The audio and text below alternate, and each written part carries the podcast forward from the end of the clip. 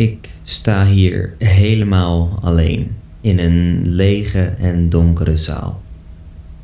Het licht van de schijnwerper is op mij gericht en werpt de grenzen van mijn cel om me heen.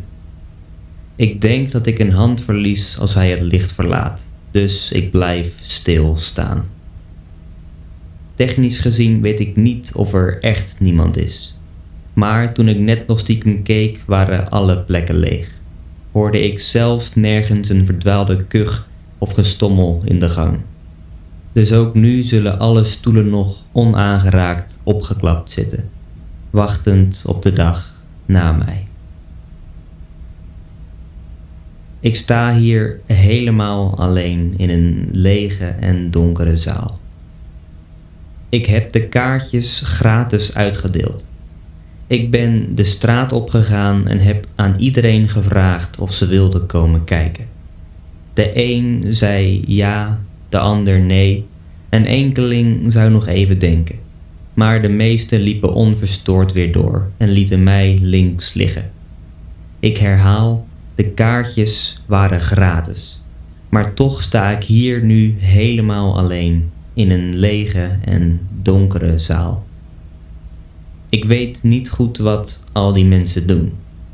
Misschien kijken ze tv, een serie waarin deze week alles opgelost moest worden, maar die toch weer eindigt in een cliffhanger voor het volgende seizoen. Misschien lezen ze een boek en is de zwarte inkt op het papier een stuk interessanter dan de woorden uit mijn mond. Misschien zitten ze in een bar en lachen ze met anderen die ik niet ken, maar misschien als mijn leven anders was gelopen, wel had kunnen kennen. Misschien zijn ze bij een feest en komen ze pas weer terug op aarde als de alcohol uit hun aderen verdwenen is. En misschien was het voor hen vooral belangrijk dat ze alles deden buiten kijken naar mij. Het blijft een feit dat ik hier nu sta, helemaal alleen in een lege en donkere zaal. Ik weet niet wat het is, maar ik voel iets borrelen onder mijn huid. Ik krijg zin om te schreeuwen, om door de muren van dat licht te slaan en door de stoelen heen te schoppen. Om te springen en te dansen en te janken, om door de grond te zakken of iemand bij zijn keel te pakken en op een stoel vast te binden, met zijn ogen opengesperd. Maar ik doe niets van dat alles.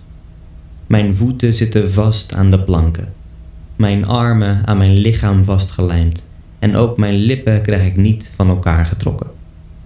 Het gevoel ebt langzaam weg en uiteindelijk dooft ook langzaam het licht om me heen.